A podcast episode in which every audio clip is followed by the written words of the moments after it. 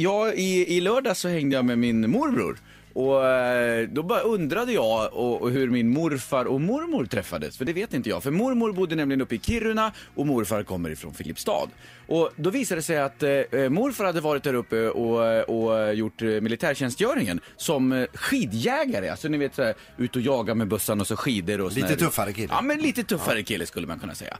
Och det här var ju under andra världskriget. Och under detta krig då så invaderar Tyskland Norge och sen under den här situationen så kommer ett tyskt plan in över Sverige som de skjuter ner.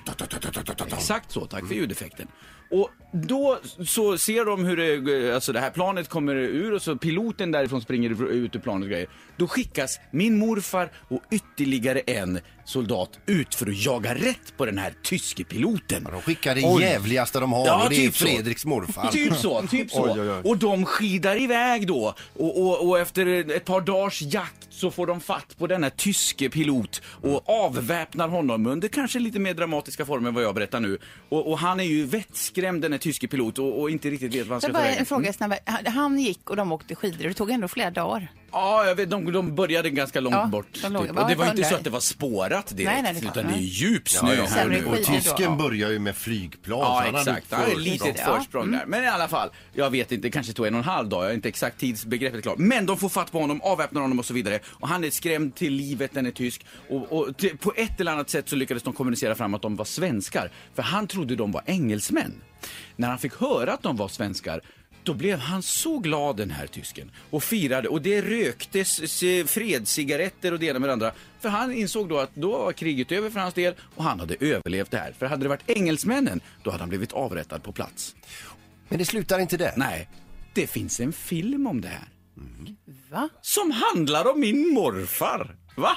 Det hade jag ingen aning om. Gud vad stort. Ja, jag vet inte.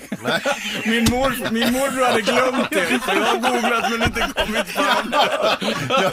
Det blir ett digert letande. Men det kanske är någon lyssnare som har sett här filmen. Hur såg han ut morfar? Kan du beskriva honom? Hade han med militärkläder på sig? Som mig fast snygg. Ja, Ja. men har ni sett någon film med någon som ser ut som Fredrik fast snygg och har militärkläder så kan ni höra av er till programmet. Bra, 15 Erik. 15 15. Tack. Ett poddtips från Podplay. I fallen jag aldrig glömmer djupdyker Hasse Aro i arbetet bakom några av Sveriges mest uppseendeväckande brottsutredningar. Går vi in med hemlig telefonavlyssning och, och då upplever vi att vi får en total förändring av hans beteende. Vad är det som händer nu? Vem är det som läcker? Och så säger han att jag är kriminell, jag har varit kriminell i hela mitt liv men att mörda ett barn, där går min gräns.